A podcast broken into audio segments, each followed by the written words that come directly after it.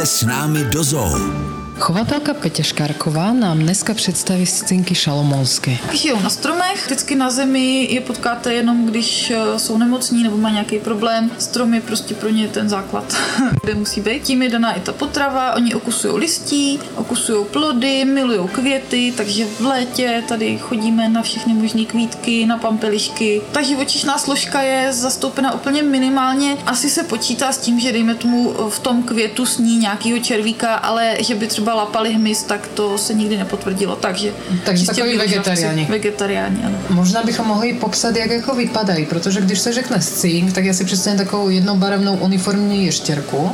Tak i v tomhle případě jsou takový zvláštní. Oni mají prostě spoustu specialit, tyhle ty scinkové. Jsou to za jedno největší scinkové na světě, co se týče délky, protože oni mají poměrně dlouhý ocas, jsou zavalití, mají takovou kulatou hlavu, většinou mají různý odstíny zelený a na tom jsou různý hnědý proužky, fleky. Mají i různé barvy očí, se nám třeba od zelenookýho samce až žlutooký samice, tak se nám rodí hnědooký mláďata a tak je to různě rozdělený. Tím, jak je to čistě stromový živočich, má takovou zvláštnost, to taky žádný jiný scink nemá, on má chápavý ocas. Když si představíte opice, která obtáčí ocasem, třeba chápan, obtáčí větvičky, tak přesně tohle umí se svým ocasem i ten scink šalamounský. Tím pádem u něj odpadá taková ta eh, známá věc, že ještěrky pouští ocásek, když jsou v ohrožení, když někdo lapne. Jasně, protože by upadlo Teď by celý... upadla vlastně i končetina a znemožnila by si pohyb. Krom toho mají ostrý drápky, mají tenoučký malý drápky, ale jsou ostrý jak žiletky, aby se právě zasekávaly do té kůry, takže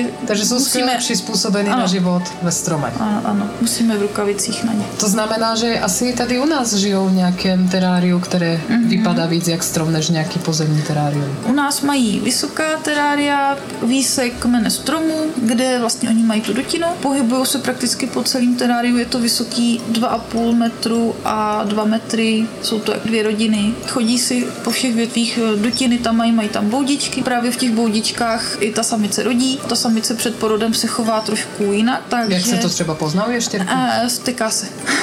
Vybíhá, já jí tam nesu třeba misku a místo toho, aby šla jíst, tak po mně vyběhne, abych vypadla. Poznám, že má asi důvod něco hlídat, takže se podívám do boudy a jsou tam miminka. Když říká, že se vstyká, když má jít rodit, nebo se to nějak blíží, jak se chová pak? Dá si ty mláďata třeba zkontrolovat, nebo s ní není řeč? E, není s ní řeč, musí se, musíme si tu samici třeba podržet a ty mláďata vzít, aby jsme je zvážili, změřili. Tady tohle to postupně opadá, ta agresivita. Do měsíce už eh, se chová normálně, chodí i z mláďaty na jídlo. Je nějaká denní doba, kdy je lépe se jít na ně podívat? Jsou to uh, zvířata se soumračnou aktivitou, takže je lepší přijít brzo ráno. Potom, když my krmíme dopoledne, tak oni teda přehodnotí úplně svou aktivitu a jdou si ještě k té misce. Takže na jídlo se dají utáhnout. Na jídlo jsou tahnou.